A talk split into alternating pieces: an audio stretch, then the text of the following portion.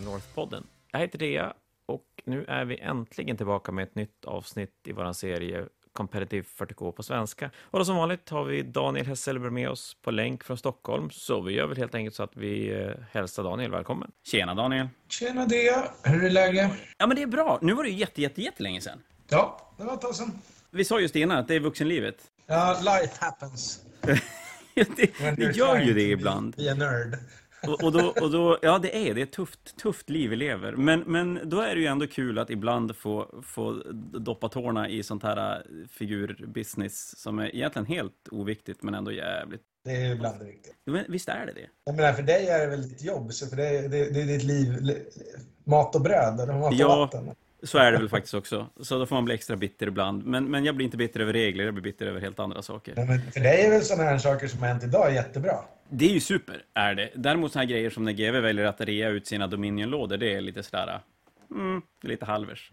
Så att Ja. jag kan ju bli glad, eller jag kan bry mig utan att bry mig om såna här saker och det är ju jättekul. Lite mer objektivt. Men vi pratade ju innan om att eh, kanske snacka lite orker eller Grey Knights. Vi har även Thousand Suns, så, vi har ganska mycket att gå igenom längre fram. Men sen då i, under dagen så droppar de en relativt oväntad FAQ va? Ja, jag hade lite eh, för tips om att den Ja, skulle men du, är komma. ju lite, kän- du känner ju folk som känner folk. Ja, precis. Jag känner För oss vanliga dödliga så var den lite ovanlig. Eller oväntad. Ja, nej men jag hade på känn att det skulle komma. Eller jag hade hört. Men det var inte, inte bekräftat liksom så. Jag visste inte. Men det har väl flaggats i olika kanaler att det skulle komma lite förändringar på orkbuggies och flygplan framförallt. Och att det skulle Ja, komma... ja, men det har väl varit lite, lite sk- skev. Eller Admec Drukare har väl varit skev ett tag. Lite Ja. grann i alla fall. Och så sen kom orkerna och där är det framförallt att det är en typ av lista som, som drar iväg ordentligt.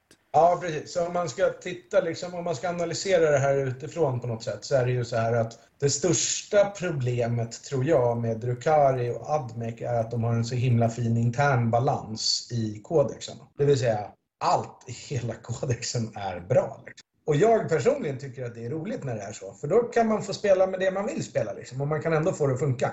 Jag tycker det är mycket roligare. Eh, Medan då kanske orkerna inte har lyckats få den Otestat fortfarande, måste jag säga. Man har ju snabbt hittat det här med buggies och sen så har det gått bra. Det kanske finns massa annan spännande balans i den boken. Då. Eh, Men så det man har gjort då i den här facken är att man har försökt lyfta upp lite svagare kodexar, lite grann. Och sen så har man försökt slå ner på lite starkare kodexar. Så att om man sammanfattar facken väldigt enkelt så är det ju så att det är en hel point eh, poängrevision på Drukari och på Admec som gör, jag skulle gissa att det gör de flesta idag spelade Drukari-listor och Admec-listor typ 10, kanske 15, inte riktigt 15, men 10-12 procent, ja, där någonstans Ja. dyrare. Alltså jag tror så här en standard Admec-lista gick nog upp en 240-260 poäng kanske, och samma med Drukari. Den berördes också. Vi pratade om flygen, att de bara får spela med. Ja, precis. Och sen så har de identifierat att flygmekaniken är lite för bra kanske, så nu har de satt in en max två flyer-armé. Inte två flyer units, utan två flyers. Kanske bra. Jag tycker ju att det är en ganska dålig hotfix. Liksom. Alltså, det lös... Det, det, eh, hur ska man säga det här? Jag tycker inte att en astralista med sex Valkyrior är helt bruten. Men nu får de bara ha två. Så de löser liksom inte problemet riktigt, utan de ja, sätter något form av plåster på det. Liksom. Så det, alltså, de löser givetvis problemet, men de gör det på ett väldigt eh, tråkigt och binärt sätt. Liksom. Som jag, det så, jag tycker det är en tråkig lösning. Sen, sen, sen löser det absolut ett problem. Liksom. Det är väl okej. Det kan vara okej. Jag tänker mig att de har gjort lite samma sak med orker. Ja, precis. Och då, sen har de tagit samma liksom, lite um, nerf stick och slagit till orkerna så att de bara får ha en unit av varje buggy type. Så de får bara en Rucka Trucka och en Scrapjet och en Wasp-bomba och en... Och en Buckatrucka och, och, och Ja, vad vi precis. har nu för namn på dem. Snäsvägen och en... Ja, precis. Så, men de har ju ändå fyra buggies, så man får ju fortfarande spela med 12 buggies. Och jag tycker nog att i alla fall tre buggies-typer är bra. Och det är ju Wasp-bomban, s- tror jag den heter, Scrapjeten, Ja, Ruckatrucken. Rucka-trucken som är indirekt båten och sen är det den här Snäsvägen som skjuter typ 14 styrka 6, AP2 damage 2 skott. Eh, med någon spec, me, Mechanicus Special, tror jag den heter, eller något vapnet. Jag hittar på lite, så ni som lyssnar på det här behöver inte, inte skriva hyllmeter om hat. För att, för att jag är lite osäker på vad orkvapnen heter. De heter någonting i alla fall, men det, det ingen kommer veta. Det är bara en orkspelare som vet om det är rätt eller fel. 1992. ja, vissa saker heter ju faktiskt likadant som de gjorde back in the days. Så är det ju. Men, men det innebär egentligen, tror vi, att för de listorna har sett ut egentligen så att det har varit 3-3 Ruckatrux och 3-3 Scrapjets. Är väl det som ja, har kanske. varit. Alltså kanske inte så extremt, för planen har ju varit bra också. Mm. Alltså både bombplanet och, och, och S-bomba planet. det hårdskjut, vi, vi, kan översätta det till det hårdskjutande planet har varit intressant. Ja. Eh, det bombande planet har varit intressant och Dackajätten. Eh, den är mycket enklare att komma ihåg vad den heter. För att den skjuter mycket skott, den dackar liksom och så är det en jet. Alltså det är mycket enklare, det är precis som med Stratagems. Varför heter de inte så här? Du får 4 plus på din enhet Stratagem. Varför måste den heta något så här? Vicious strike from above. Jag kommer aldrig hitta den. nej, nej det, du har helt rätt. Jag vet, det vore jätteskönt. Det, liksom. det, Voda mig bara på 4 plus, knäckebrutet. Eh, jo, nej, det, det, så är det. Vore, det vore fantastiskt mycket bättre. Men då, då tänker man att Drukari Admec kommer egentligen bara rulla vidare på typ samma spår som de är, men de får bara mindre leksaker att, att pyssla med. Om man börjar med point changes. Jag, Admec fick väl ganska lite förändringar va? Ja, men de fick bara point-ups eh, kan man väl säga. Ehm, jag har faktiskt en liten sammanställning här. Så förberedd är jag. Så om vi väntar en sekund så ska jag gå. Admec fick plus 10 poäng på Marshall, plus 10 poäng på Manipulus, plus 1 poäng på Rangers, plus 1 poäng på Vanguard, plus 2 poäng på Infiltrators, plus 2 poäng på Rust Stalkers, 10 på Ballistari, 4 på Raiders, minus 10 på robotarna, alltså mm, Castellan Robots. Mm. Plus 20 per flyer. Sen så har Omnispecs och Data Tether gått upp och Holy Orders gått upp med 5 och respektive 5 och 10. Så där gick väl allt upp förutom robotarna. Och det är väl inte så konstigt. De försöker väl få um, robotarna lite mer spelbara. De har väl inte sett så himla mycket spel tror jag. Nej, de faller väl under det här äh, berömda vi blev lite sämre och då vill ingen spela mer då. Nej, precis. Och där gick ju allting annat upp då istället. Och, så att, som sagt, om man tar... Um, jag gissar, jag har inte kollat på den listan, men jag gissar att Rickard eh, Nilsson vann Fantasia med 120 Rangers och Vanguard. Ja, precis. Det var det han spelade. Så där är det 120 poäng på en gång då, liksom som bara dunkade upp. Sen så hade han säkert eh, två, tre Mar eh, Marshalls och någon Malipulus, så det är 40 poäng till skulle jag gissa, i den storleksordningen. 360 poäng.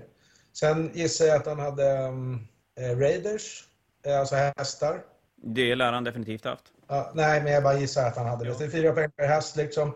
Så det, det är kanske 40 poäng till, så då är han uppe i 200 poäng. Och det är ungefär där någonstans jag tror att listorna, att den typen av listor hamnar. Alltså alla um, Admec-listor hamnar, hamnar nog på 10-12 procents uppgång. Det är det, ungefär vad det här mm. säger. Vilket är bra liksom. Då får han spela samma fast bara med 100 Rangers och Vanguards. Den själslösa individen han är.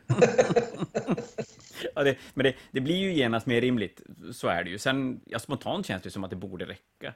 Att, att börja peta mer än så, det, det känns ju väldigt drastiskt. Alltså, ja, det är väl bättre att börja lite grann istället för förut har ju GV gjort åt andra hållet. De bara ”Åh, de här är för bra”, så nu kostar de 70 000 poäng istället. Så ja. bara, nu är de så dåliga så ingen spelar med dem. Och så är det något annat som träder in i liksom den rollen och så blir det för bra och så fortsätter de liksom och nerf-batta sönder saker. Det är väl mycket bättre att man börjar och pilla lite grann liksom i någon form av mikroskala tills någon gång kommer man hitta en nivå som är ja men det här blev klockrent liksom. Ja. ja, men det är ju, och det är väl okej att saker och ting i, i listor är lite olika bra. Gamla fantasy led ju av det att de hela tiden bara höjde poängen på allting, men de backade aldrig på beslut. Det, det, det, blev ju som aldrig vettigt. Nu får vi väl se, det är väl förmodligen en, en chapter approved i december. Och då ska det väl också in poäng, så det är frågan om det kommer att röra sig ännu mer poäng. Alltså, det, rykt, ryktet säger att det här är chapter approved, alltså ministerium manualpoängen som de släppte Ja, just det. Det blir inga andra poängförändringar i Nej. den då. Ja, det är väl okej. Det är vad ryktet säger. Det är ju ganska mycket nya böcker på väg efter årsskiftet också, så att... Ja, precis innan och efter årsskiftet. Och om man inte gör exakt samma eh, check på, um, på um, Dark Eldar då, så kan man väl säga så här att det jag troligen kommer spela om jag spelar Dark Eldar, jag väljer mellan tre olika listor nu för nästa turnering som är Games of Westeros om två veckor. eh, Mm. 2000 kompetitiv. Um, det jag kommer spela är troligen två, tre covens eh, med nio talosar, ett gäng eh, grotesker och så strössla in lite annat bus. Liksom. Och nu kommer jag läsa listan för dig så kommer du förstå varför. Arkon upp 5 poäng, Hemonculus minus 10 poäng, Succubus plus 20 poäng, Wishar plus 2 poäng per modell, Grotesker minus 5 poäng per modell, Incubi plus 2 poäng, Kronos plus 5, Ravager minus 10, Talosar minus 10 per, per modell. Dark Lances plus 10, så det gör ju att Raiders går upp 10 till, så de kostar 105. Mm. Uh, Razorwing ni- minus 10, Void Bomber minus 10. Sen förutom det här så har också Blood Brides och uh, Trueborns gått upp en poäng eller något sånt också. Så här förändrar de egentligen mer än vad de gör till Admec, där de egentligen bara säger att spela era listor men ta bort 200 poäng och så kör ni Ja, vidare. precis. Eh, så- precis. Här ändrar de den interna balansen lite grann. Mm. Som kanske med all rätt behövdes förändras för att det är inte så många som har spelat talosar och eh, grotesker och, och eh, liksom covens och sådana saker för att man har ansett att eh, man får så himla mycket bättre saker i kabalen och i, i, i wishkulten. Liksom. Eh, sen eh, att succubusen går upp 20 poäng, det är väl bra för den var ju jättebillig. Den kostar ju liksom 65 poäng typ. Men Ja. jag vet inte om det lagar succubusen. Alltså, jag kan nog tänka mig att ta två succubusar i alla fall. Jag menar, inte det en sån modell som, som är för billig, är för billig tills den blir för dyr? Ja, jo, jag tror det också. Alltså, eh, jag spelade nu, nu spelade jag med en succubus på eh, Tok Team Tournament i helgen. Som hade, som var Red Grief med Red Glaive och sen hade han ehm, eh, hon, kan det heta Pre- Precision Blow kanske? Det vill säga var, varje sexa till hit blir Mortal Wounds lika mycket som vapnet gör Mortal Wounds. Eh, och hon själv dödade tre Plague Burst Crawlers under matchen. För, för sina 70 poäng? 65. 65, så för, henne, för 80 poäng känns det ganska värt ändå. Alltså. Ja, men det känns som en värd gubbe att ha ändå. Så jag dunkade in 12 Mortal Wounds på första chargen, 9 på andra, 12 på tredje och 6 på fjärde chargen. Det var bara Mortal Woundsen, alltså nu har vi inte räknat de andra woundsen hon gör med sin typ styrka 6 glaive, AP3, damage 3. Uh, med så, sju attacker. Så, här, så ja, nej, så, hon kan få kosta 80-85 poäng, det gör inte så mycket. Och då kommer det bli en sån pjäs man har med. Man, egentligen vad man än spelar till, till Drukhari så kommer den att dyka upp där på ett hörn. Ja, alltså det här är nog inte den bästa så. Det är bara att jag gillar att spela Red Grief för att jag tycker att det är roligt att spela. Jag tänkte Succubun i största allmänhet, att den... Ja, precis. Jag tror att en två superbussar kommer man nog spela med även om de är 20 poäng dyrare. Det är bara så här, ja, ja, jag tar väl lite mindre gubbar eller lite mindre Mm. upgrades. ett Annat, liksom. Det tror jag. Men, men det är väl klart att det är bra att när hon gick upp, vadå, 30 procent i pris liksom, från 60 till 80. Ja, säger de så, då, det är klart 30% poänghöjning, det är ju mycket. Ja. Det, det är det. Och, och då pratar man att de standard Drukhari-listorna kommer någonstans att också öka i runda svängar Ja, men 200 de kommer poäng. öka motsvarande 200 poäng också. För alltså, inkubusar går upp 2 poäng. Det brukar man väl ha om 10-15 stycken, så det är kanske Mm. 30 poäng. Uh, Wishar går upp två poäng och Blood Brides går upp en till poäng. Så säg att man kanske har 10 Wishar och 10 Blood Brides, då är man uppe i 30-50 poäng till då. Uh, Succubusarna går upp 20 poäng, det brukar man ha två stycken av, så då är man uppe i 110 poäng. Raiders kanske man har 4-5 stycken av. De går upp 10 poäng i med lansarna. Nu måste man inte ha lansar dock. Tar man bort lansarna så går de inte upp och kör um, något annat vapen. Liksom. Men um, alltså, um, vad heter den? Disintegrators. Disintegrate. Nu tror jag i och för sig Disintegrate kostar 10 poäng också. Så jag tror att man kan vara ärlig och säga att den gick nog upp 10 poäng. Ja. Och det är 50 poäng till och då är man uppe i 170 liksom och så här. Så att man hamnar nog runt, och nu har vi bara nafsat liksom. Så man hamnar nog runt en 210-240 poäng sekund där också. Men då finns, i Drukari känns det som att det finns mer möjligheter att kanske titta lite runt på vad man inte har spelat med tidigare och Ja, absolut. Ja, så det, det tycker jag absolut. Alltså, Rax är ju superbra trupper. De har inte gått upp ens poäng. Och Homunculum gick ju ner och, och Talos har, jag spelat innan. Liksom. Och de tjänar jag, nio Talos tjänar jag 90 poäng på. Liksom. Ehm, Ja, det är ju mycket. Då har du ju att känna igen den där Zuckerberg-prishöjningen. ja, det kan man ju säga. Eh, och sådär. Så att, jag tror man får nog bara skeva om sin lista och tänka på ett annat sätt. Liksom. Tror du att det kommer att påverka vinstmetat jättemycket mot hur det har sett ut tidigare? Jag tror att om man tittar på alla förändringar totalt, om vi, om vi fortsätter lite snabbt, så kan jag ju säga vilka som är vinnarna efteråt. Astra fick ganska intressanta förändringar. Eh, De fick att Tank Commander-orden gäller alla tanks inom sex, typ. Så man kan ge tank-orders, som jag tolkar det, till mantikorer och grejer. Och den har, inte, den har bara funkat på Lemarussar tidigare. Ja, precis. Och nu verkar den liksom eh, smitta till andra tanks som är inom sex från målet. Ja, men orden. just det. Det är lite grann som tyrannidernas grej. Ja, Lite, kanske. bub lite bubblor. Ja.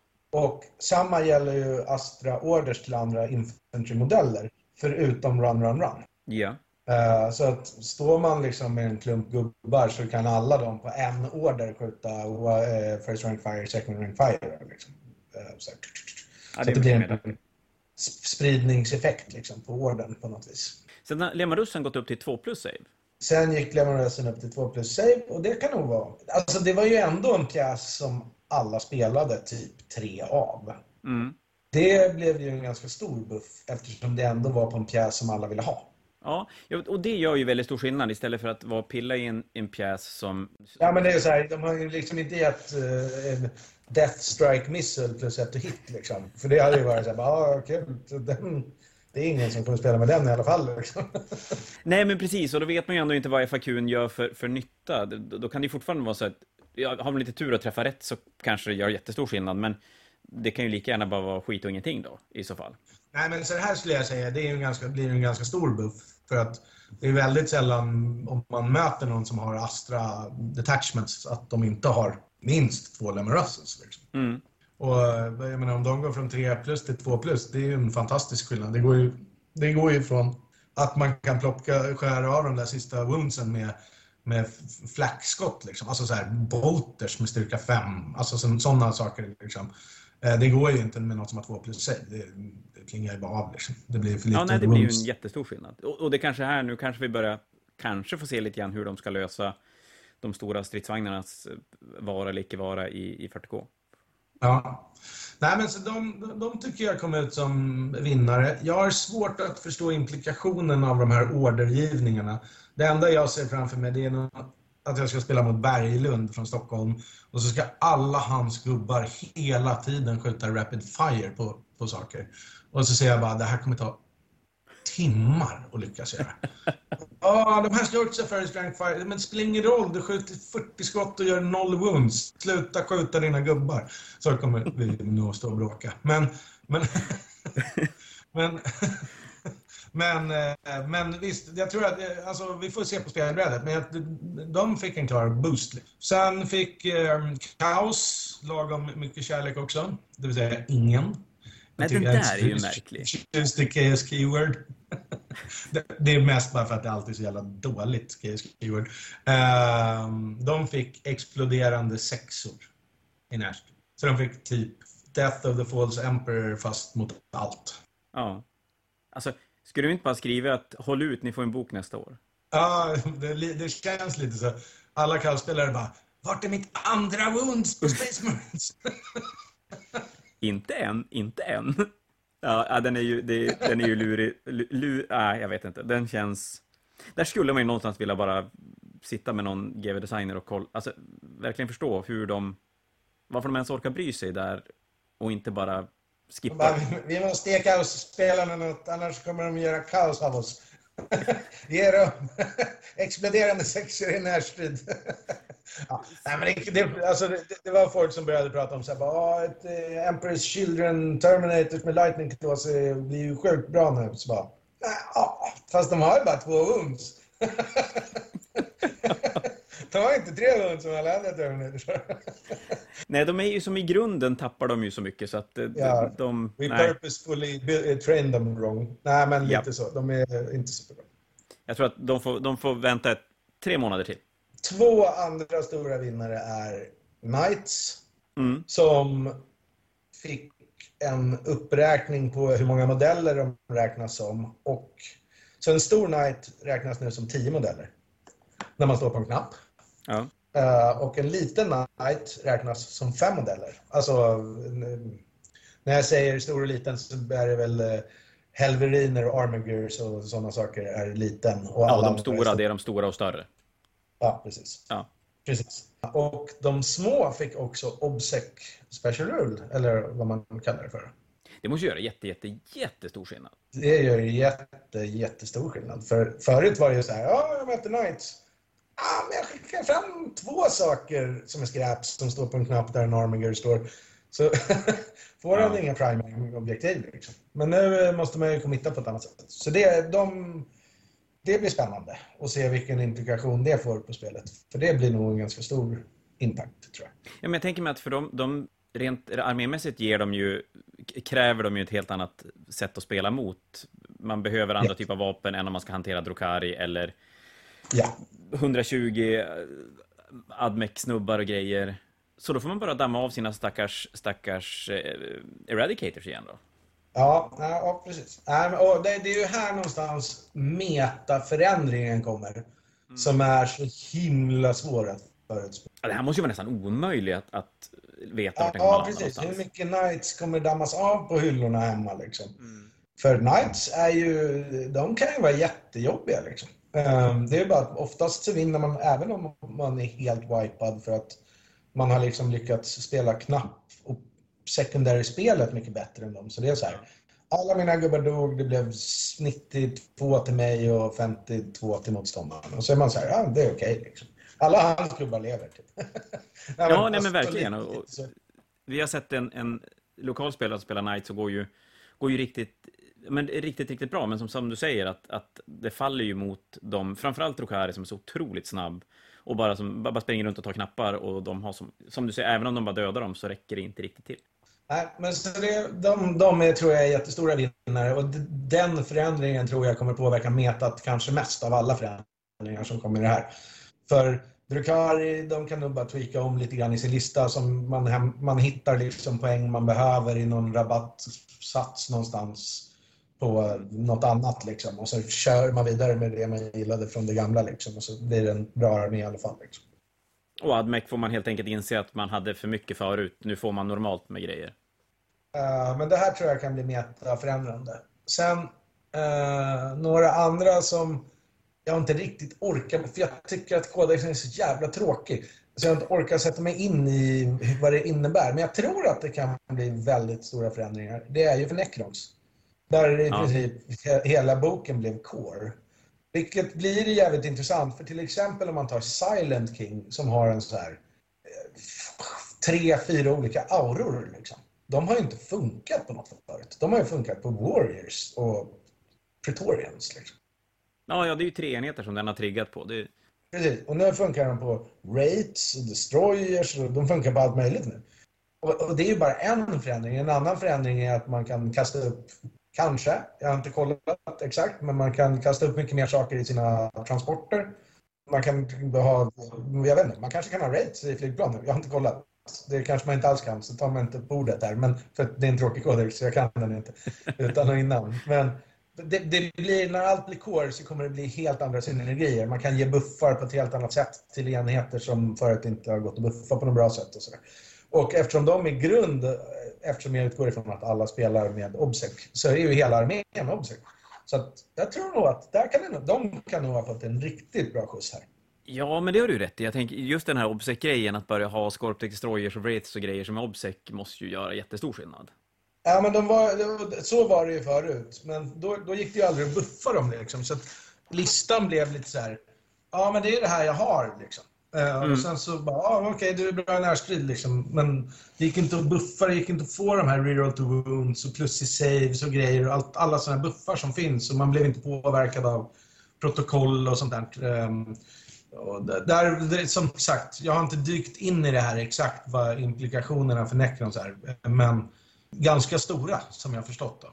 Så det är den boken som kommer ta längst tid då förmodligen att, att hitta, hitta rätt i? Ja, för mig kommer det ta en oändlig tid. Jag kommer säkert åka på spö tre gånger på en turnering innan jag förstår att de är bra. Uh, för att ja, men jag har mina Necron som står där uppe och varje gång jag tittar på dem så känner jag bara så här. Ni var så roliga i Fift och ni, sen dess har ni varit så himla, himla tråkiga. men nu kanske, nu kanske de får en... en jag är så glad ja, att jag målade Silent King det första jag gjorde så att uh, jag har ju som förberett för det här länge. Ja, nej, men kanske. Alltså, så här är det ju att eh, problemet med Necrons tycker jag har varit länge att det inte går att göra några så här coola synergier, det finns inga coola strats som liksom funkar över hela, det finns inga det finns liksom ingen wow, utan både i förra editionen och den här editionen så har deras kodex gått lite ut på att det tål jävligt mycket. Fast de tål inte så himla mycket, för de har inte Film Pain, utan de har en sån här gimpad Film Pain där man måste lyckas slå liksom alla Film Pain-slag för att gubben inte ska dö liksom, på något ja. Så de har inte tålt så mycket ändå. Men det kanske går att göra massa coola grejer nu. Man, man får väl ta fram boken och läsa lite och förstå vad det betyder. Liksom, så man inte blir helt överraskad när det kommer rates som är buffade till det är nog en, en, bra idé. Jag ska definitivt ta fram den och börja se om jag har målat, jag kanske i tur har målat massa bra grejer. Ja, precis. Det vore ju fan första gången någonsin. Det vore jätteroligt. Ja, Nej, men jag tror till exempel att Destroyers och sådär som kan få buffar från Silent King och så tror jag kan bli jävligt bra. Mm, mm. Rates, ja, Wound blir säkert jävligt bra. Men vi tror ändå att det är Night-grejen som kommer att stöka Jag tror att det är det som kommer ändra metat mest. Men sen så finns det ju en vinnare, tycker jag. Och det är ju det är ett av de bästa kodexarna som finns just nu. Som inte fanns med i den här FAQ. Låt höra. Grey Knights. Ja, det är så? Ja. Men var det där en snygg övergång till att vi ska kika lite grann på Grey Knight-boken helt enkelt? Exakt. Det, då gör vi så. Vi, ja. vi plockar fram den gode som är då boken som kom samtidigt som Thousand Sons. Eh, fick... Vad kan den vara? Någon månad gammal eller något? Ja, men den har väl hunnit börja rulla lite grann och det har väl dykt upp lite resultat, har den. Men lite grann under radarn tycker jag väl ändå att den smet. Och det kanske mycket beror på att den fick en ny modell, precis som Thousand Sunsen. Och, och det gör att de som gillar Grey Knight, de, de, ja, de gillar fortfarande Grey Knight, men den kanske inte skapar så mycket nya spelare som, som kastas in i armén. Nej. Nej, det är väl uh, Grey Knights största svaghet, tycker jag. Att det inte finns något roligt nytt. Äh, inte bara inte så roligt, inte roligt nytt. Det finns för få units. Det är det som är problemet. Ja, när man kan köpa armén i tre lådor så är det ju ett tecken på att det ändå saknas ja. någonting. Det måste man säga. Ja.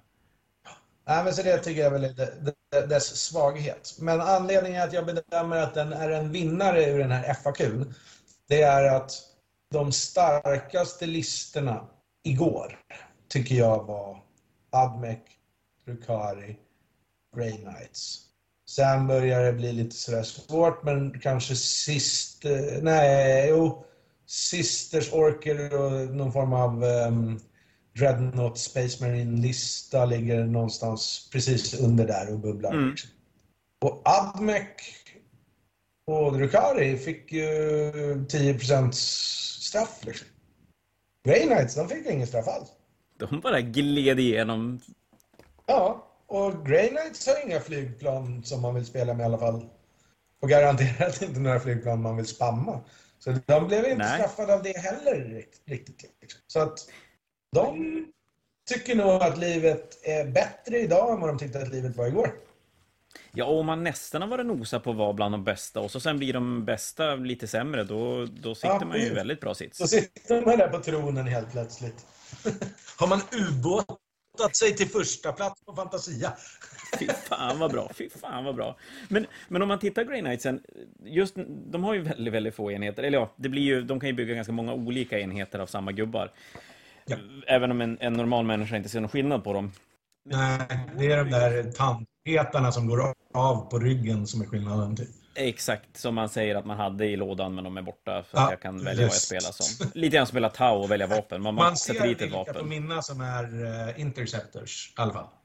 För att uh, det är inte målat på två fläckar där det har suttit pinnar. Det, det, det är en variant också, I guess. Är det det vi kallar konvertering? Fattemans konvertering. Men hur ser det ut, när de har så lite enheter att välja på, finns det mycket varianter av Grey Knight-listor att bygga, eller är den en ganska ensidig? Jag tror väl att man kan vara krass och säga så att ju fler Red Knights du har, desto bättre liv är det. Det tycker jag vi har sett lite grann. Vi, vi hade ju, Grey Knights gick, på Fnatic nu som vi spelade för en månad sedan, mm. så, så gick ju Grey Knights bra. Det måste man säga. Vi hade om de hade tre Grey Knights i topp 10, eller är jag ute och cyklar nu? Jag ska faktiskt ta fram och tvärkolla hur det såg ut. För det var, ja men det, det såg, eh, det blev bra. Vi ska se, vi har Grey Knights på, eh, nu ska vi se, det här borde vi kunna. Fjärde plats har vi Grey Knights. Femma, nia, elva har vi Grey Knights och jag tror att det var en eller, om det var en Grey Knight till, eller det kanske inte var någon Grey Knight till faktiskt. Mm. Så att de som var med placerades ju väldigt bra, det gjorde de. Nej, men om man kollar på kodexen så um, kan man väl säga så här, man, om, om vi börjar med så här, vinnare och förlorare mot förra kodexen, mm. så tycker jag att paladiner är stora förlorare. Ja, de fick inga extra wounds. Nej, de fick inga extra wounds. Och de, de får inte um, den här, vad, vad kallas det då? Fraktionsspecifika fördelarna vad kan det heta i boken? Det heter alltså så här rapiers och... Och det jag brukar kalla så här chapter-grejer för att... Du vet, klan-grejerna. Liksom. Ja, men exakt. Det... Ja. Chapter-varianter, fast det heter inte chapter. Chapter-varianten, de, får, de får inte ta del av den. Det får inte heller Purifiers göra. Purifiers tycker jag nog ändå är bra eh, ändå. Uh, och de får inte några fördelar av att hänga med en Grandmaster, utan de får bara fördelar, alltså rerolls och sånt, av att hänga med, med Drygo. Okej, så du, du, du som låser det ännu mer kring paladiner om du spelar med paladiner på något sätt? Ja, precis. Den enda fördelen jag ser att de har är att de får ta magi från en annan skola och de får byta magi. Not strat som bara gäller dem också har jag för mig. Jag tänker paladiner faller väl lite grann under det här att man har varit bra och så blir man inte lika het. Så de, är inte, de är inte dåliga, men de är ju heller inte obsex. Så de ska ju nog bara helt enkelt ta bort den här saken som alltid går sönder i lådan. Eh, alltså, som alla mina paladiner inte har. Eh, och kalla dem Terminators istället. Eh, för skillnaden mellan Paladin och en Terminator är att de har någon form av så här, bokkors. Ja, precis. Det är någon liten flagggrej där, där som, yes. sticker upp. Eh, enkel konvertering. Bryt bort den och kalla dem Terminator som du tycker om dina modeller. Som mm. ser ut som Terminator. Det, de tycker jag är lite förlorare. Sen tycker jag personligen att eh, Silencen har förlorat. För den spelade jag med mycket innan den här editionen, alltså innan den här boken. Ja. Och det var så sjukt nice, för den sköt en skrälledus med skott och sen alla skott var D3. Så de var ju väldigt, väldigt bra på alltså D3 damage.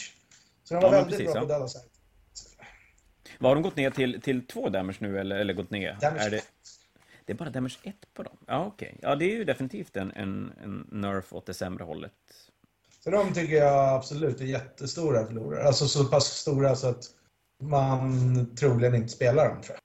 Men hur, förra Grey Knight-boken, det byggde väl ganska mycket på att man hade sina paladiner som kunde skjuta in direkt och teleportera sig? Ja. Och så hade man en del strike squads för, för att hålla bräde Ja. Och så sen hade man lite karaktärspark. Ja, och sen kanske man hade... Jag spelade med två läs eh, missil eh, Venerable Dreads. Mm. För man hade ju en spel som gjorde att man kunde skjuta och gå. Så då kunde man gå ut från skydd, skjuta sina missiler och läs och sen gå och gömma sig igen. Och sen så sköt jag indirekt med den andra. Och sen så ja, buffade jag upp mina paladiner så att de i princip inte gick att döda. Uh, hela magifasen är ju också ändrad för dem. Så att den här skjuta indirekt som heter Astral Aim. Ja. Det är ju en av de sämsta spelsen. Den är typ så här. Du får rerolla en hit på en unit tror jag. Eh, och du tar bort cover. En klassisk GV när det gäller Grey Knights alltså. Det som har varit bra blev dåligt. Ja. Och där är det ju så här, eh, de här spelsen, det är väldigt få som får välja fritt i de här. Utan det är så här, den har Perduration Squads. Så det går inte att, förändra hur enheten ska, ska funka lika mycket, Nej, utan den, den gör alltså, sin det- grej. Man får inte välja spells till sina vanliga units. Nej. Utan Strike Squads, de har Hammerhand, sen har de Smite och sen så har de den chapter-specifika spellen som man har när man väljer chapter. Mm. Men, men är, det, är det bra? Det, är inte det ganska bra? Eller jag tänker mig att det är lättare att balansera enheter om de faktiskt vet mer exakt Det vad de ska är göra. nog ganska bra för att det gick ju inte att spela spelet förut i princip. För att man hade ju liksom, vadå, jag hade en A4 med olika spellval på olika saker och så liksom skulle man försöka unit-marka ut så här, ja men den här uniten, Strike Squads har Vortex of Doom och den här har Gate och den här. Så Då blev det ändå till slut så att det gick inte att spela så för det gick inte att hålla reda på själv vem som hade vad och det gick inte att övertala fienden om att man hade lyckats placera sin Vortex of Doom på ett alldeles förträffligt bra ställe. Så då blev det bara så att alla fick Gate till slut i alla fall. Liksom, för att Ja, men det kan jag bästa, tänka typ. mig. Och annars blir det lätt att, att de byter spel under spelets gång för att man glömmer bort eller... Nej, det, var, det blev för stökigt. Liksom. Så det, är, det, är ett, det är ett speltekniskt bra sätt, men det är inte en fördel för Grey Knights. Nej, kan man nej, det förstår jag. Jag tycker generellt sett att spelsen har blivit sämre. Hammerhand är jävligt bra dock. Eh, Vad kan den heta? Amplificator. Den heter typ... Um, jag kommer inte ihåg vad den heter. Eh, det den gör är att den... ehm, man kastar den på en fiendeenhet så gör alla Psy Weapons, utan de heter något annat, eh, de gör ett extra damage. Och tror jag kanske på ett plus ett i styrka. Eh, det är fantastiskt starkt. Nu kommer jag fuska och ta fram min... Ta reda på vad saker heter. För... att- Ja, du har ju rätt i det här. Saker och ting borde bara heta plus ett i damage. Ja, men plus i styrka. Liksom. Hur svårt ska det vara? Den, den heter eh, Empiric Amplification. Och den ger eh, att alla Nemesis and Psy Weapons som allokeras på den här enheten då, får plus one damage. Det är sjukt stort, för i närstrid så har man ju oftast bara damage 2 med nästan allting, som inte hammare. Damage 2 är inte så dåligt. Det kan man ju tycka är sjukt bra. Men om man till exempel spelar mot något som är ganska vanligt omtyckt nu så är det ju um, Dreadnoughts. Då är damage 2 ganska Då är man helt plötsligt damage 1. Och så undrar man dem på femmor och så, så blir Så det inte så mycket och så ont. dör. Nej, och så dör man för man blir ihjälskjuten i närstrid. Um, så då är Empiric Amplification jätte, jättebra, för då gör man helt plötsligt två i skada på räddar. Och Då gör man mycket mer. Och så. så den är superbra. Det är en eh, must have tycker jag. Grey Knight-boken då, är den mer, psy- psychic-delen i Grey Knight-boken, är den mer sådär eh, buffig än vad den är skade, skadeverkan?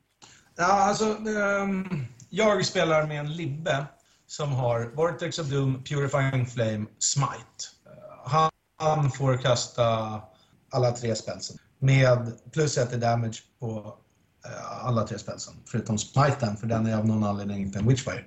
Och han får kasta det på typ 3D6 eh, och man kan gata fram honom. Så han gör ju liksom 2D3 plus 1 plus D3 plus 3 plus 1 plus D3. Och då hör du ju själv att det där kan ju bli liksom 12, 14, det kan bli 21 mortal wounds eller någonting sånt dumt. Så att de har grejer liksom. Men det är väl de två. Eh, Purifying Flames är jättebra. Mm. Den gör flat 3 mortal wounds. Om man rullar den på 11 eller mer så är den D3 plus 3.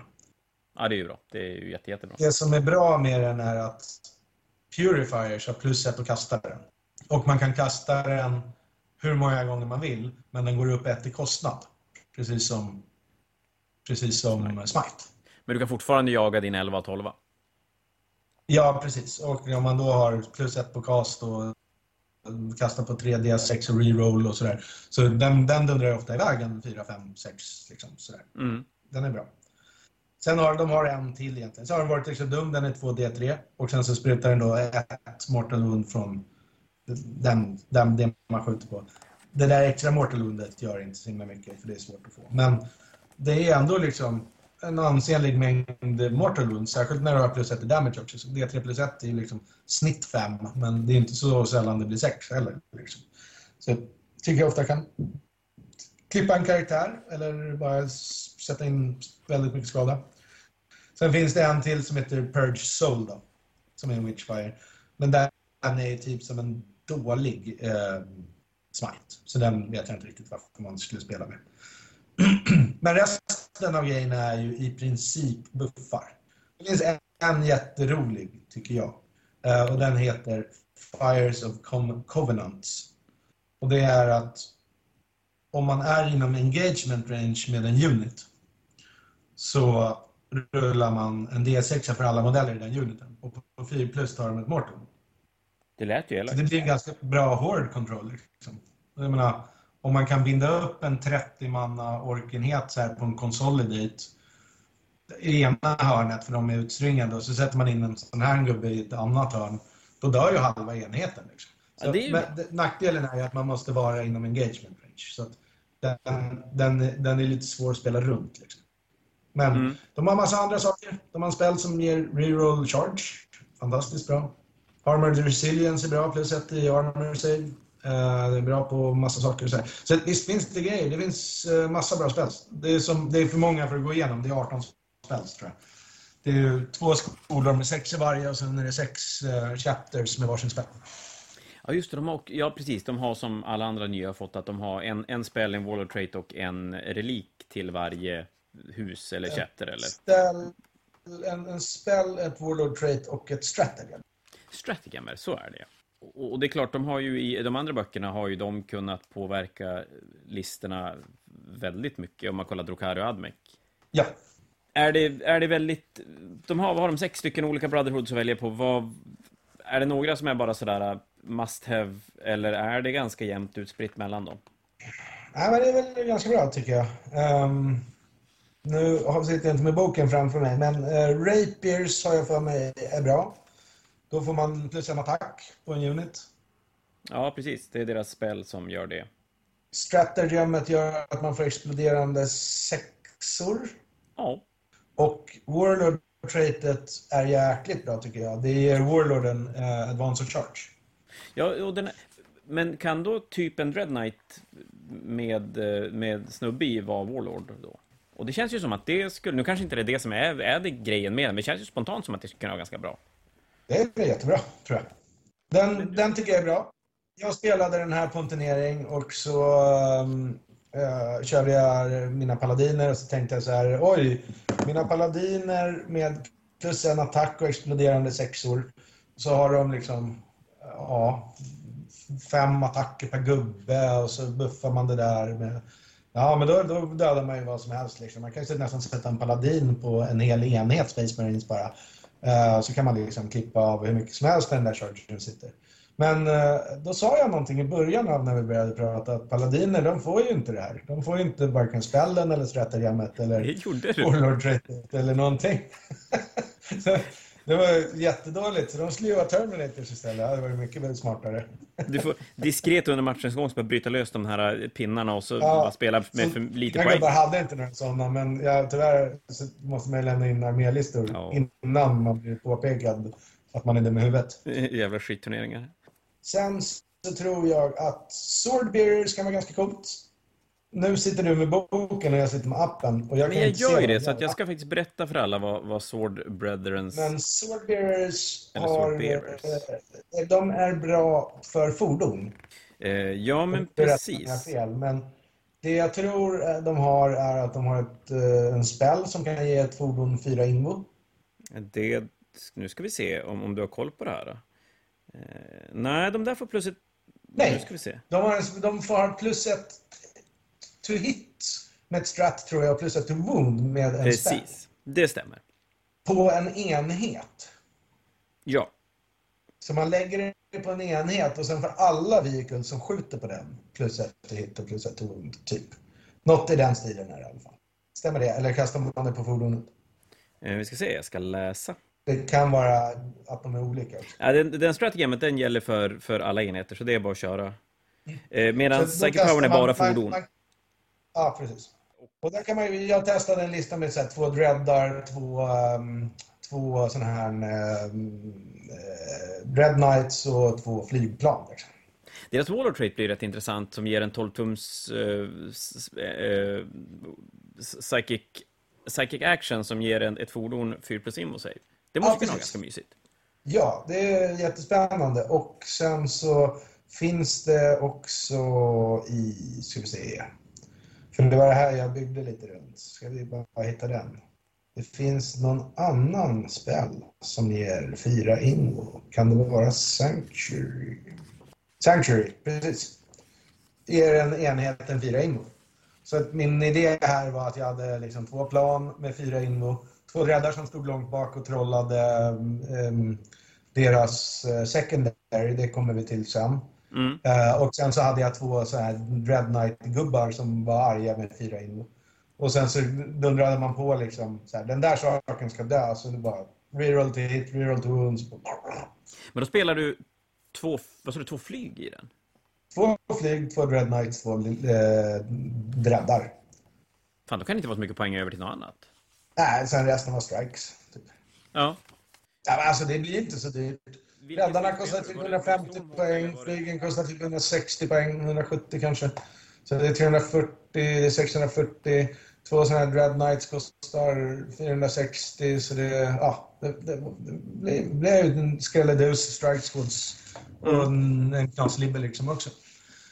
Det, den, det här är ingen rekommendation, det gick, var inte så bra. Jag bara säger att, att det finns roliga saker att fundera kring och bygga kring. Det är kul att det gör det med en bok som, som vi började med ändå har så sjukt få choices och där många Ja. choices känns ändå ganska likadana i, i, Ja. i grunden. Ja. Sen en annan, och det är väl det som jag tror är den bästa. Eh, nu ska jag bara hitta den. Ja, Blades of Victory får du en, en spell som ger dig reroll charge. Ja, För psykerenheten.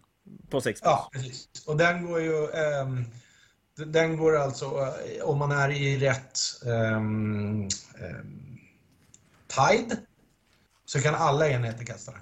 Okej, de har någon sån grej som gör att... Ja.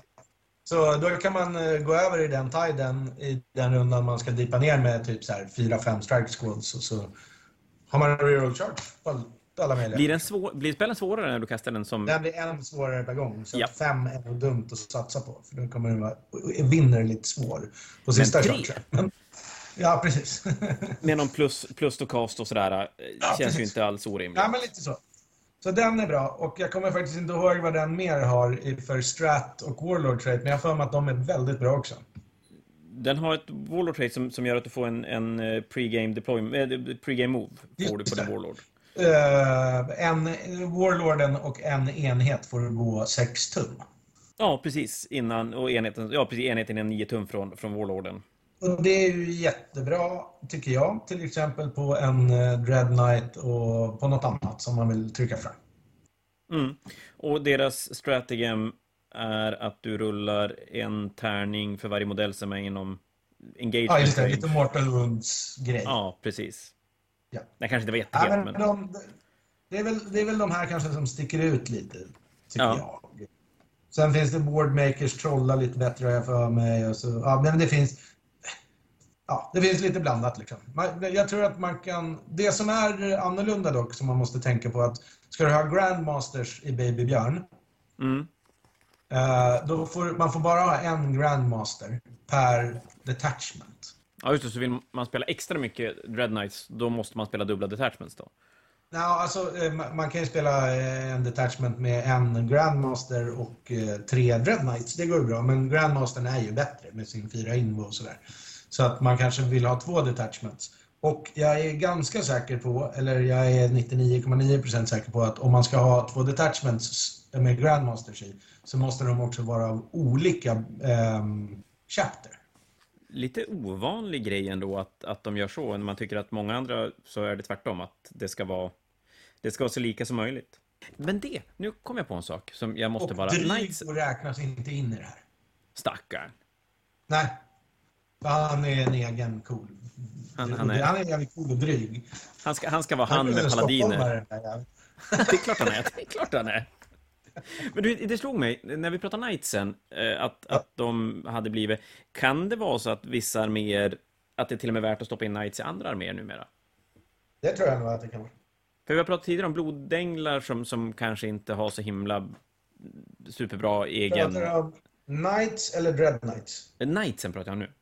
Backade Ja. jag tillbaka? Jag backar jättelångt tillbaka nu bara för att Ja. Det slog mig. Uh, jag tror tyvärr att det är så att de inte får obsec om de inte är rena. Nej, just det, så kanske. Ja, precis. Det, det lär ju stämma. Så då skiter vi den och så hoppar vi tillbaka till Ja. Grey Knight sen. Ja. Men så du tänker att lister ska gärna innehålla fyra Dread Knights alltså, minimum? Nej, men alltså, så jag äger bara två Dread Knights, så jag kommer bara spela med två Dread Knights. Jag kommer nog inte köpa några fler, men eh, man kan nog gärna spela med fyra, fem Dread Knights. Två, två detachments med, med, så man får två stor eh, Grandmasters och sen tre Dread Knights. Liksom. Det, det går väl loss på en 1200 poäng eller något sånt där, men det kan det nog vara värt. Sen tar man typ Inceptors förresten. Hur spelar Grey Knight-listan, tänker jag? Alltså, är det saker som den absolut har problem med, eller är det en lista som blir ganska versatile och, klarar av att möta upp? Den är ju extremt versatile. Alltså det roligaste, an- anledningen att jag överväger vad jag ska spela på nästa turnering, då, då tänker jag antingen spela orker, det var därför, och sen så insåg jag att jag hinner nog inte få tre killrigs och alla coola gubbar som jag vill ha och måla upp dem till näst, nästa helg. Nej, är tajt. Eh, Men jag slutar spela det. El- Eller så vill jag spela den här eh, Talon, Talos uh, Coven uh, Drukari-listan. Mm. Eller så vill jag spela Grey Knights. Och anledningen att Grey Knights är med på den här listan, förutom att jag är en metachaser uh, och gärna vill spela det bästa, eh, så är det för att det som är extremt roligt med Grey Knights är att de spelar i, spelar i alla faser. Och de är faktiskt ganska bra i alla faser. Alltså, Mm. movement, de har inceptors som har ganska bra hastighet liksom. Ehm, man kan vipa allt fritt så man kan vara, finnas där man vill med strike squads och sådär. Eh, och uh, Dread Knights är ju hyfsat snabba. Alltså det, är- Ja, men det är drukari. då. Ja, precis. Det är inga drukari vi pratar om, men, men liksom, de rör sig på brädet så. Så de är hyfsat snabba, mobila liksom. Och eh, framförallt um, en femma Inceptors är ju jättebra på att spela um, Engage till exempel. För att de får hoppa sin movement, som jag tror är 12, ganska Mm. säker på ett, ett 12. Sen så får de skjuta och sen får de trolla så de får gå igen 12. De får dock inte charge efter det, men om ens mål är att komma in i den korten och gömma fem ganska tuffa gubbar i en ruin så tar de sig liksom 24 tum. De får ju också om man vill då advansa om man det. Eh, Eftersom du skjuter, du kanske inte får skjuta. Så att jag är inte helt säker på att du får advansa. Men om man kollar upp den regeln så kanske det är så att man får hoppa eh, och advansa och sen så får du skjuta i shooting face och hoppa igen. Men oavsett så kommer de 12 skjuta 12. Ja, precis. Så det är 24 tum och eventuellt en advans. Jo, men det får de göra. För de har ju Stormbolters. Och Stormbolters är väl Assault och inte Rapid Fire, va? Så Nej, de är Rapid 70 Fire. Rapid Fire 2. De är Rapid Fire 4. Mm. Ja, två. Då kanske det blir sämre. Men eh, man kan kolla upp om det finns något med Assault som man kan ha där. Då får man ju nämligen skjuta och sen hoppa in. Så då kommer man in D6. Det är ju rätt mycket att, att kunna ha en enhet som är gjord egentligen för att ta engage-poäng men ändå kan vräka iväg en, en 10, 10 skott på vägen Ja, precis. är ju inte dumt. Nej, men så de är nice. Motståndarna lämnar något väldigt- skit någonstans.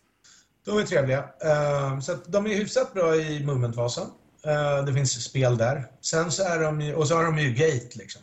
Så att de kommer ju var som helst. Ja. Så att man, man kan ju lätt spela engage med dem till exempel om man är sugen på det.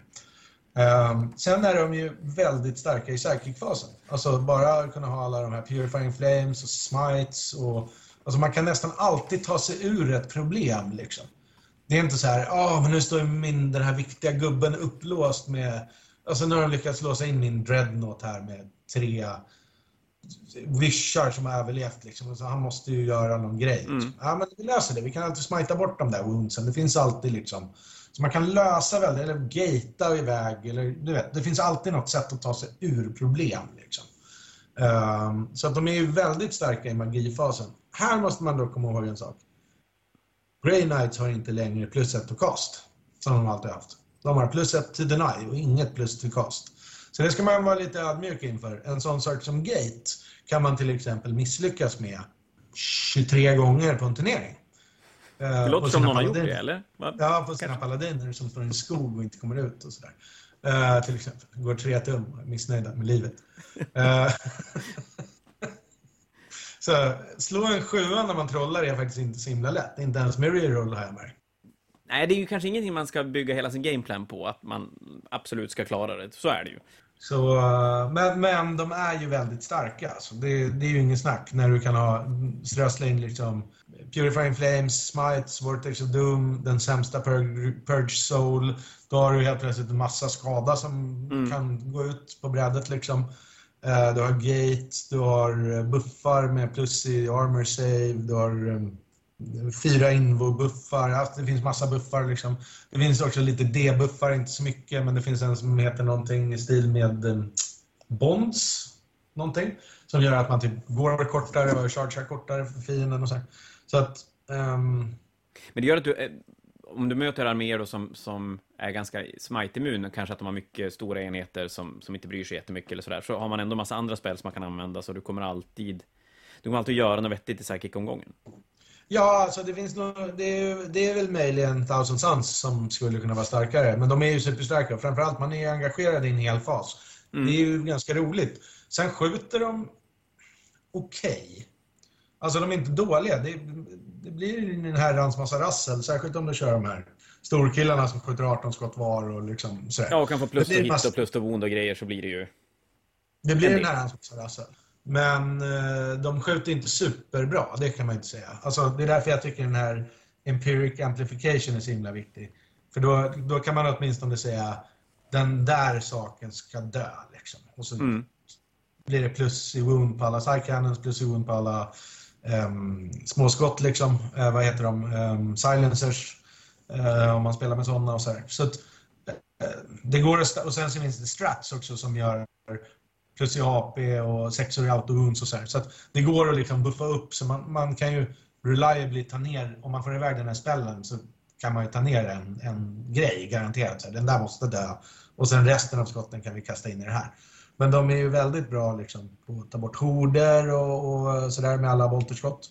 Och sen är de ju förträffligt jävla bra i närstrid. Alltså, strike squads har tre slag var. Sergeanten har fyra. En femma är alltså 16 slag. Styrka 5 i grund på svärdet, AP 3. Med strike med eh, hammerhand så får du reroll to wound. Och damage 2 på det. Och damage 2 på det. Det här är alltså deras vanliga gubbar. Du vet, det, de är sjukt stabila i närstrid. Vilket gör att liksom, på det hela taget så får du en väldigt mångsidig, bra armé. Jag tycker den är bra. Jag tycker den är riktigt, riktigt bra. Så, så det de saknar i figurmängd och figurvariation, det tar de igen i ett, ett spel som, som ger massa möjligheter att spela på, på ganska mycket olika sätt. Ja, men precis. Och ju- just liksom att de, de är faktiskt mellanstabila och bra i alla faser. Och det öppnar upp för mycket möjligheter. Liksom. Det, det är så här, man kan inte char- chargea med någon flack, liksom, binda upp saker, för det, det gör för ont att bli slagen på. Man, man, de kan hantera horder väldigt bra med alla skotten. De kan hantera hårda saker väldigt bra med alla smitesen, eller liksom mortal wound-skadan. Um, nej, jag, jag tycker de är riktigt intressanta faktiskt. Ehm, de har hastighet och så här. De spelar secondaries väldigt bra tycker jag. Alltså um, eh, med... ehm, om man köper lite servitors som jag brukar göra så kan man offra dem på att spela lite rodd till exempel. Det är enkelt. Kan man spela flaggor med Ja. dem också då? Ja, eller kasta, kasta upp lite flaggor med dem, precis. De kostar ju liksom, vad är det, 32 poäng för en fyra liksom. Man kastar in tre fyror sådana, det är ju bara, kostar ett C- CP och sätter dem i strategic reserve. De spelar Engage ganska bra som jag sa alldeles nyss. Och igen med Gate, med eh, lite sådana tricks. Eh, Så kan man spela Gate väldigt bra. Och sen så har de ett eget Jag tänkte komma till det. Den brukar alltid vara lite spännande att se om, om det är någonting vettigt Ja, de de har. har ett eget secondary. De har ett jag tycker är väldigt coolt som jag inte har vågat testa för det är säkert dåligt. Och det secondaryt är att man, eh, man får poäng om man dödar saker när man kommer från deep strike. Ja, precis. Man får tre poäng om man dödar en eller flera enheter med Grey Knight-enheter som kom från D-Strike. Eller Så man kan gate eller... gata in och döda saker och så här. Så det går säkert. Man kan gata fram en Red Knight och så sätter man sin uh, 9 tums charge med reroll för att man är Preservers eller Silverblades sätter de. Som tyrannidspelare känner jag ju att där gav man bort eh, 15 poäng rakt av. ja precis. Det, för det kommer ner volter som bara dödar skräp och så Ja. 15 poäng. Men jag har inte vågat testa den än. Men jag tror, jag tror inte den är helkass liksom. Nej. För att man har ju lite olika sätt att redeploya och man kan deepa hela armén. Och möter man liksom saker, folk som har mycket flack liksom, då får man ju 15 poäng, det är inga problem. Så den är lite intressant. Men den som jag tror är sjukt bra, det är den som heter, i min bok heter den Trolla på knappar. I din bok så heter den Den heter Warp... Eh, den, den, heter, den heter Purifying Ritual i, i min... Men det är nästan Absolut. samma sak. Nästan samma Ja. sak. Trolla på knappar eh, sekundära är jättebra. För det man inte tänker på det är att när man gör en psychic action så det enda du ger upp när du gör en psychic action det är att du inte får trolla någon annan spel. Ja, precis, du får Du gå, du får skjuta. Gå, du får advansa, du får skjuta, du får chargea. Och när du har då enheter som är bra på gå, bra på skjuta, bra på chargea, bra på slåss. Ja. Så kan du faktiskt saka Så magin. kan man ju bara, oj, jag gick förbi det här och trollade lite grann här en snabbis och så chargear jag någonting och skjuter någonting. Då, En att- annan sak man missar med den där, det är att det står ingenstans i den att ingen annan fiende får vara i närheten av knappen. Nej, det gör det faktiskt inte. Och då ska vi säga det att det är en psychic action du gör på ett objektiv. Du får Ja. göra flera samma runda. Och sen är det så att ju fler objektiv du har lyckats Ja. göra ritualen på, ju mer poäng får du. Yes, och den stackar så här. Du trollar på en knapp får ett poäng, två knappar två poäng, tre knappar fyra poäng, fyra knappar sex poäng. Vilket innebär att i runda tre, fyra och fem så kan du ta 18 poäng på den. Och då behöver du inte ens behövt göra något skräp i runda ett och två. Nu är det oftast Nej. inte så man spelar, men det är en väldigt stor win more condition. För när om, Ja, du börjar, om det börjar gå bra, då, då, tar, då tar du maxar den lätt. Alltså. Lätt. Ja, men jag tänker det att, och, och de scenarion där du har, ja, nu kommer jag inte ihåg vad det heter, men du har ju ett där du har två stycken hemmaknappar alldeles vid din deployment och en i mitten i din deployment. Jag menar, då, då tar du ju fyra poäng i runda per automatik. Där 20 poäng under matchen som blir 15. Ja, men, men, Ja. det, det, Ja. det är ju, men det är ju jävligt skönt att ha den. Och då tänker jag, men då har du en armé som spelar, men i stort sett hittar sekundära i alla olika Ja. delar och, och mot all Ja, precis. Olika då, arméer. då behöver man ju inte ens ta rodd om man inte vill för att den ger bara 12 poäng. För då kan man ju välja att alltså man, man bygger in så man alltid kan ta rodd med typ Mm. lite servitors.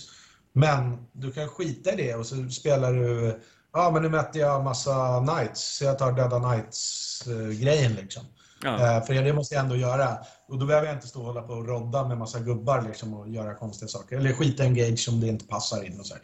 Så att, Om möter Thousand Suns kan du låta bli att köra Purifying Ritual och, och satsa på saker som de inte kan denia och, och sådär. Men Purifying Ritual, ja precis, visst. Man, man, kanske, man kanske inte ska spela den på fyra av objektiv. Kanske är dumt. Mm. Och man ska troligen inte spela den om motståndaren har en psyktung armé. Nej, jag tänker det. Då, då är det värt Men då som du säger, då tar man Rodd istället och så har man 12 poäng av den. Ja, I precis. stort sett. Yes. Du, fan, du säljer ju in Grey Knightsen bra. Ja, Ja, men alltså, jag skulle säga att det är en fantastiskt rolig eh, lista att, att spela. Det som gör, det jag ser som nackdelar med den är att det är svårt att vara en egen snowflake. Ja, men då är vi tillbaka till, har man fyra enheter att välja på så ja, då, Ja, är det men det är svårt liksom bara, ja men jag ska hitta på något helt unikt så här. Ja, vad är det då? Spela. Strike Squads kanske? Ja, nej, det går ju liksom inte att hitta på det så här. Nej. Eh, utan det blir så här små detaljer liksom som skiljer listorna åt. Ja, varför spelar du uh, Rapiers istället för uh, Silverblades? Liksom? Mm. Ja, men därför jag tycker uh, någonting liksom. Alltså sådär. Och så bara, ja, jag har lite fler Inceptors. Ja, men jag har lite mer Strike Squads för de jag tycker att skadeverkan på Strike Squadsen, eftersom de ändå kan dipa, är viktigare än mobiliteten från Inceptors som har sämre skadeverkan men som vi kanske inte behöver deepa för de är så snabba. Liksom. Och sådär. Alltså, lite, det, det, blir där någonstans man gör sig finlir. Liksom. Vill du ha några Terminators? Vill du ha ett Obsec-ankare hemma liksom, som står och skjuter och skydd, alltså, skyddar backfieldet eller inte? Alltså, sådär. Men, men, men jag tror de flesta listorna kommer ha två till fem Dread Knights, X Inceptors, X Strike Squads, lite Servitors som uh, Action Monkeys för att reserva upp det, kanske en Rhino och ja, något, någon karaktär till. Liksom. Alltså, så kan, tror jag att de fixar. Man, du tror ändå att man kan då tweaka och, och, fixa lite grann och ändå få listan att bli för sig själv lite olika varje gång man spelar om man, om man vill Ja, det kan vi. Det är bara att byta liksom. Det finns lite olika karaktärer som är bra liksom, och, eller som är olika bra. Mm. Och jag vägrar ju liksom personligen, för jag tycker inte att det är kul att köra med fem Dread Knights. Liksom. Jag äger två, jag får klara mig med dem. Det är okej okay, liksom. Det finns massa andra roliga saker. Ja, det är, det, är, det, är, alltså, ja, det är ju roligare när man kan ha lite variation i, i listorna. Att, mm. Men det är väl enkelt, gissar jag att slänga in dem där, för de, de, de gör ju sin grej väldigt tydligt. Ja. Nej, men alltså, jag, jag tror till exempel att jag kommer köra två dreads. Alla skrattar mm. åt mig när jag kör mina två dreads, för de är inte så himla bra. Men de kan ändå stå på hemmaknapparna och lösa ut laserkanoner och missiler. Och man saknar AP-skytte. Och man saknar lite långrange-skytte. Uh, och sen så kan de kasta uh, just då på knappspällen på två knappar hemma. Så kan man pusha med resten av armén.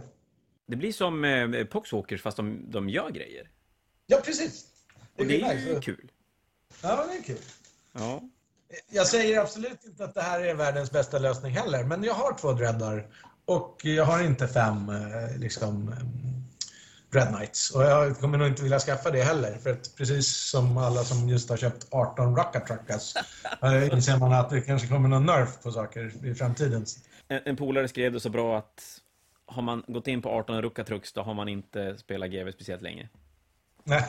Då, då, nej, då, då, är man antingen är man helt medveten om det, eller så är man ny i gamet och inte riktigt, riktigt har den där känslan för vad man ska kanske undvika. Antingen så är det pay to win i två månader, eller så, så visste man inte att det skulle komma en förändring, för man inte har, har Precis. Jag är i och för sig inget emot pay to win, men... men uh, nej, men jag, jag...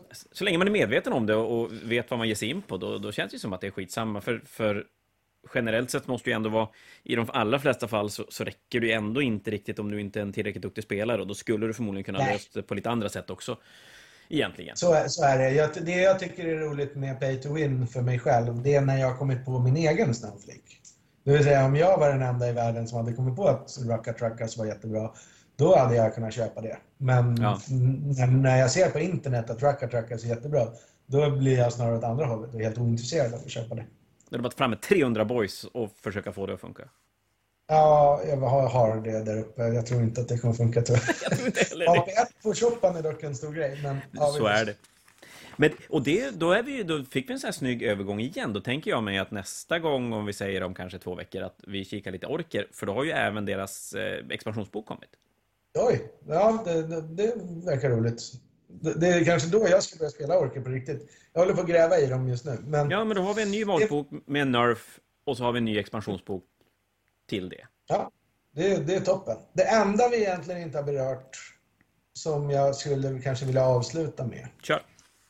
Det finns massa strats. De behöver vi inte gå igenom jättenoggrant. Det finns typ samma som det finns till Space Marines. Det vill säga, det finns någon silver armor som gör att man typ eh, bara kan användas på 4 plus. Mm. finns att man kan gå och skjuta och man kan kliva ut och skjuta om man har rätt eh, keywords och sådär. Ingenting för mig som är, är sjukt liksom. Alltså som bara oj, det här är så bra så det här behöver vi sitta och prata om i tre kvart. Men det finns um, wisdoms, wisdoms and prognostations. Ja, det är så uh, mycket strategems i böckerna numera. Helvete. Ja, men det här är inte ett stratagem, utan det här är en grej man köper till sina karaktärer. Som heter Wisdoms, typ, tror jag de heter.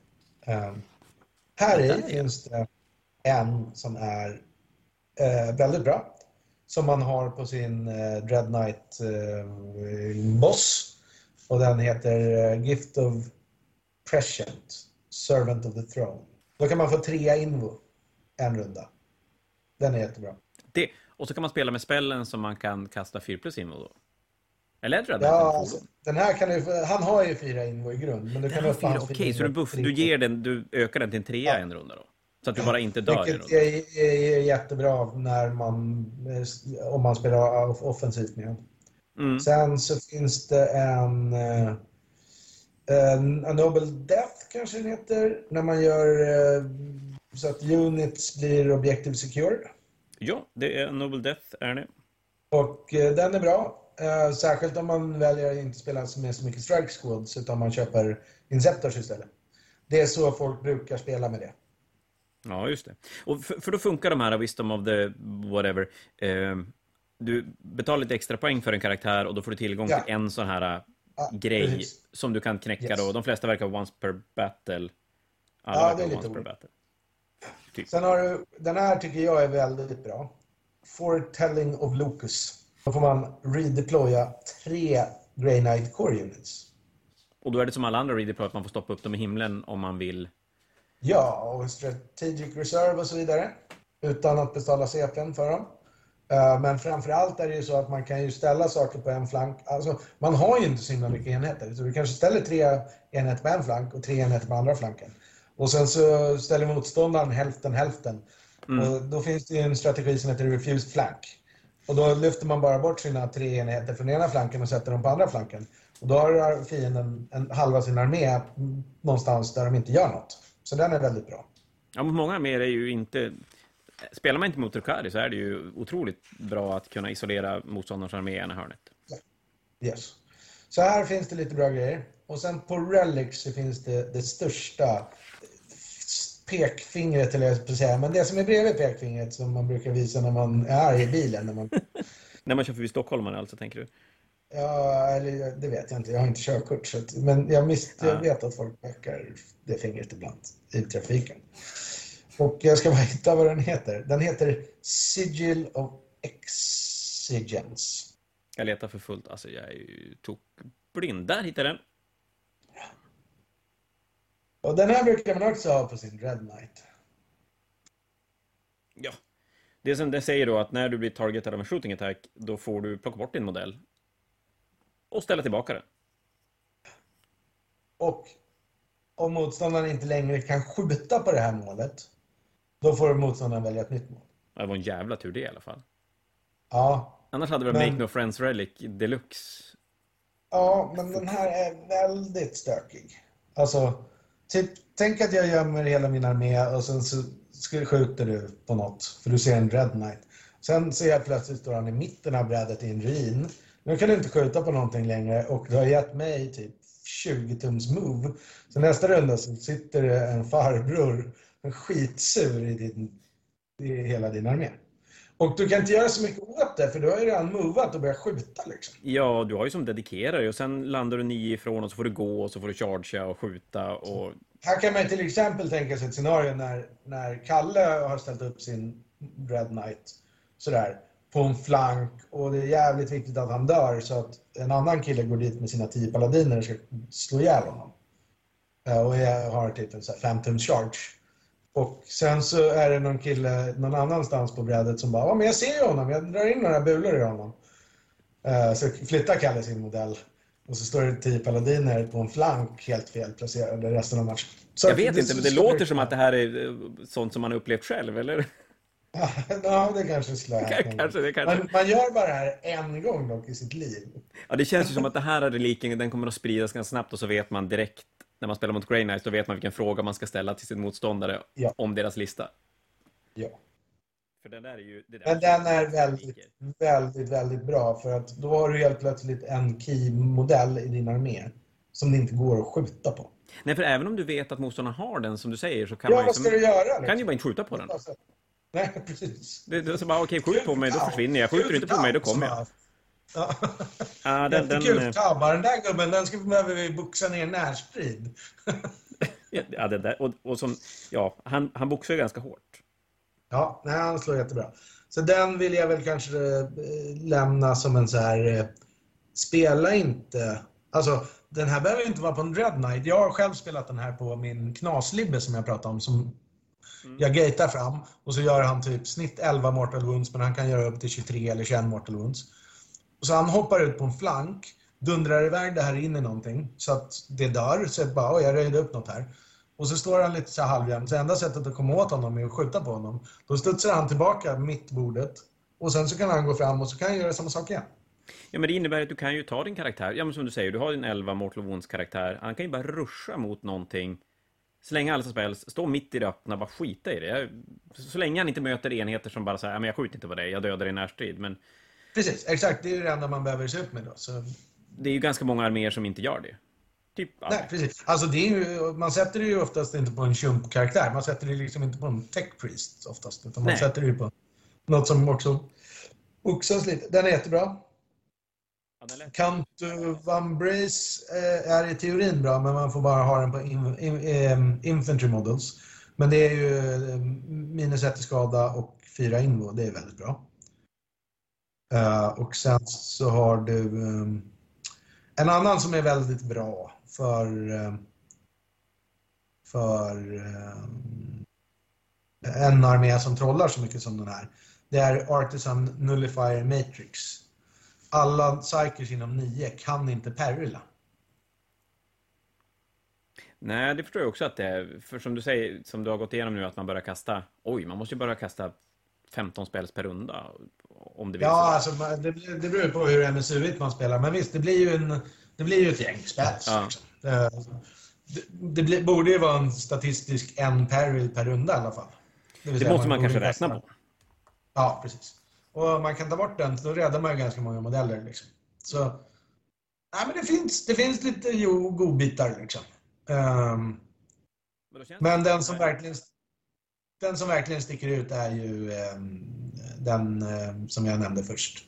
Sigil of Exigence. Ja, jo, den, den kändes ju fantastiskt, fantastiskt bra och ganska lättspelad också. Var väldigt lätt spelat. Men då sammanfattar vi med att Grey Knightsen har, bortsett från då kanske Paladiner, en, en ganska skön balans med, med ganska mycket val, trots att man kan ha ganska lite val. Ja, alltså de har ju mycket val eh, i, i, i sina få val, om man säger så. Eh, det, skulle vara väldigt roligt om de kunde få några lite mer tungt skjutande enheter. Ja. Jag vet inte riktigt hur de skulle se ut, men det finns ju laserkanoner i boken och sådär. Kunde man inte fått några, jag vet inte, infiltrators med las fusillade eller du vet, någon, någonting som ja, balanserar upp liksom AP och hårdskytte lite grann. Plasma inceptors eller jag vet inte, någonting liksom som ja, kan göra den här lilla extra pushen. Liksom. För Weight of Fire med Bolters i all ära liksom, men det är utan, för man har ju inte heller, det har vi inte gått in på, men det, man kan gå in på det supersnabbt. Eh, man har ju inte heller doktriner, så att man får inte AP på massa olika sätt. Utan istället har man någonting som heter Masters of the Warp typ. Uh, det, det är alltså Tides. Och där finns det lite olika Tides. En Tide är Tide of Convergence. Då får alla Psy Weapons eh, plus 6 i range. Det är bra, för grejerna skjuter inte så långt. Men... Ehm, och sen så har de i närstrid då att uh, Unmodified Wound Rolls of 6 ger också ett Mortal Wound. Eh, den, den är bra. Många stannar där hela tiden. En jag gillar är Tide of Celerity. eh, att ettor och tvåor alltid är treor. Den blir ju extra bra till exempel när du har reroll charge. För då sitter väldigt många charges.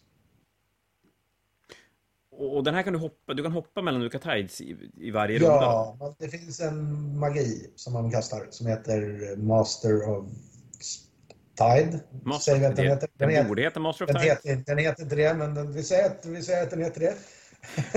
Och- Warp och det- shaping. Du väljer, du väljer en tide då och så sen har du möjlighet att, att spela dig mellan när olika. matchen börjar, då väljer man en tide. Och sen så kan man eh, kasta warp shaping som man bör ha i sin armé. Den, den går av väldigt enkelt på fyra eller fem tror jag. Mm. Eh, och då, då får man välja en ny tide. Ehm, Så oftast brukar jag börja i Tide of Shadows som gör att man får light cover på hela armén. Vilket ökar tåligheten väldigt, väldigt mycket. Mm. När hela armén har 2 plus save och paladiner eller terminators har 1 plus save. Och om man står i cover, då får man också minus 1 till hit. Men då känner du där också väldigt lite i listan när du, när du kan verkligen, om man jämför till exempel Necrons där du ska välja innan matchen i vilken ordning saker och ting ska hända, så här kan du verkligen sweet cherry-picka det du, det du behöver. Precis. Uh, sen har du Tide of Escalation och det är den jag sa uh, att man får kasta sin den här Brotherhood-specifika spellen hur många gånger man vill. Ja, men, Men att den adderar ett. och det är där du kan droppa Då, för att få göra det måste man vara i Tide of Escalation. Och sen har du Tide of Banishment som jag aldrig har gått in i. Men jag har nog aldrig spelat mot demoner heller när jag spelat de här. Och där är det då att man eh, får ett minus 2 i leadership för alla demoner inom 6 från en sån här modell som har en aura. Eh, alltså någon, Mm. inom 6 från någon gubbe egentligen. Och eh, man får eh, rerolla hits och wounds på ettor för hela armén. då. Så det här är väl ganska bra mot demoner. Men Kanske blir aktuellt nästa, nästa år när det kommer en ny demonbok. Ja, precis. Just nu är ju inte demonerna en så här superbra matchup i alla fall. För att demonerna har ju en, ett strat som säger att om en unit dödas, som inte är named character, dödas av en Grey Knight så får, kommer hela den uniten tillbaka. Det måste ju vara sånt som, som, som luttrad matchplay-spelare inte riktigt tycker är en bra regel. Nej, alltså det är ju inte jättekul när man liksom haft ihjäl så här nio Chaos Spawns, eller Så vad de kan heta, Chaos Beasts. Så bara, ah, jag fick ihjäl dem. Så bara, ah, kommer tillbaka med nio Chaos Beasts. Så man bara, åh, åh, tråkigt.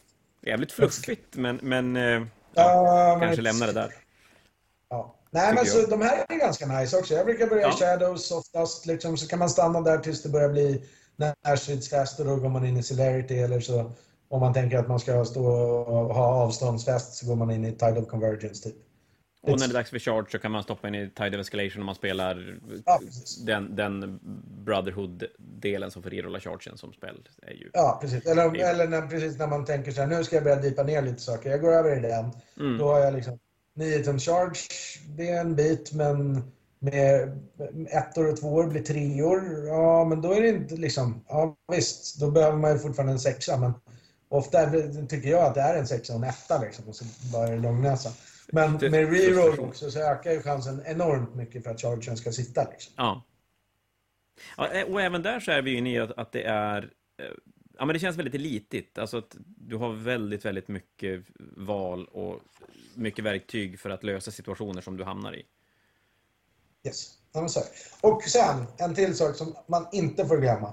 Det är att hela armén har en femma invo mot alla mortal wounds. Ja, den är ju rätt relevant. Jättebra. Mot andra trollarméer, men inte bara det heller.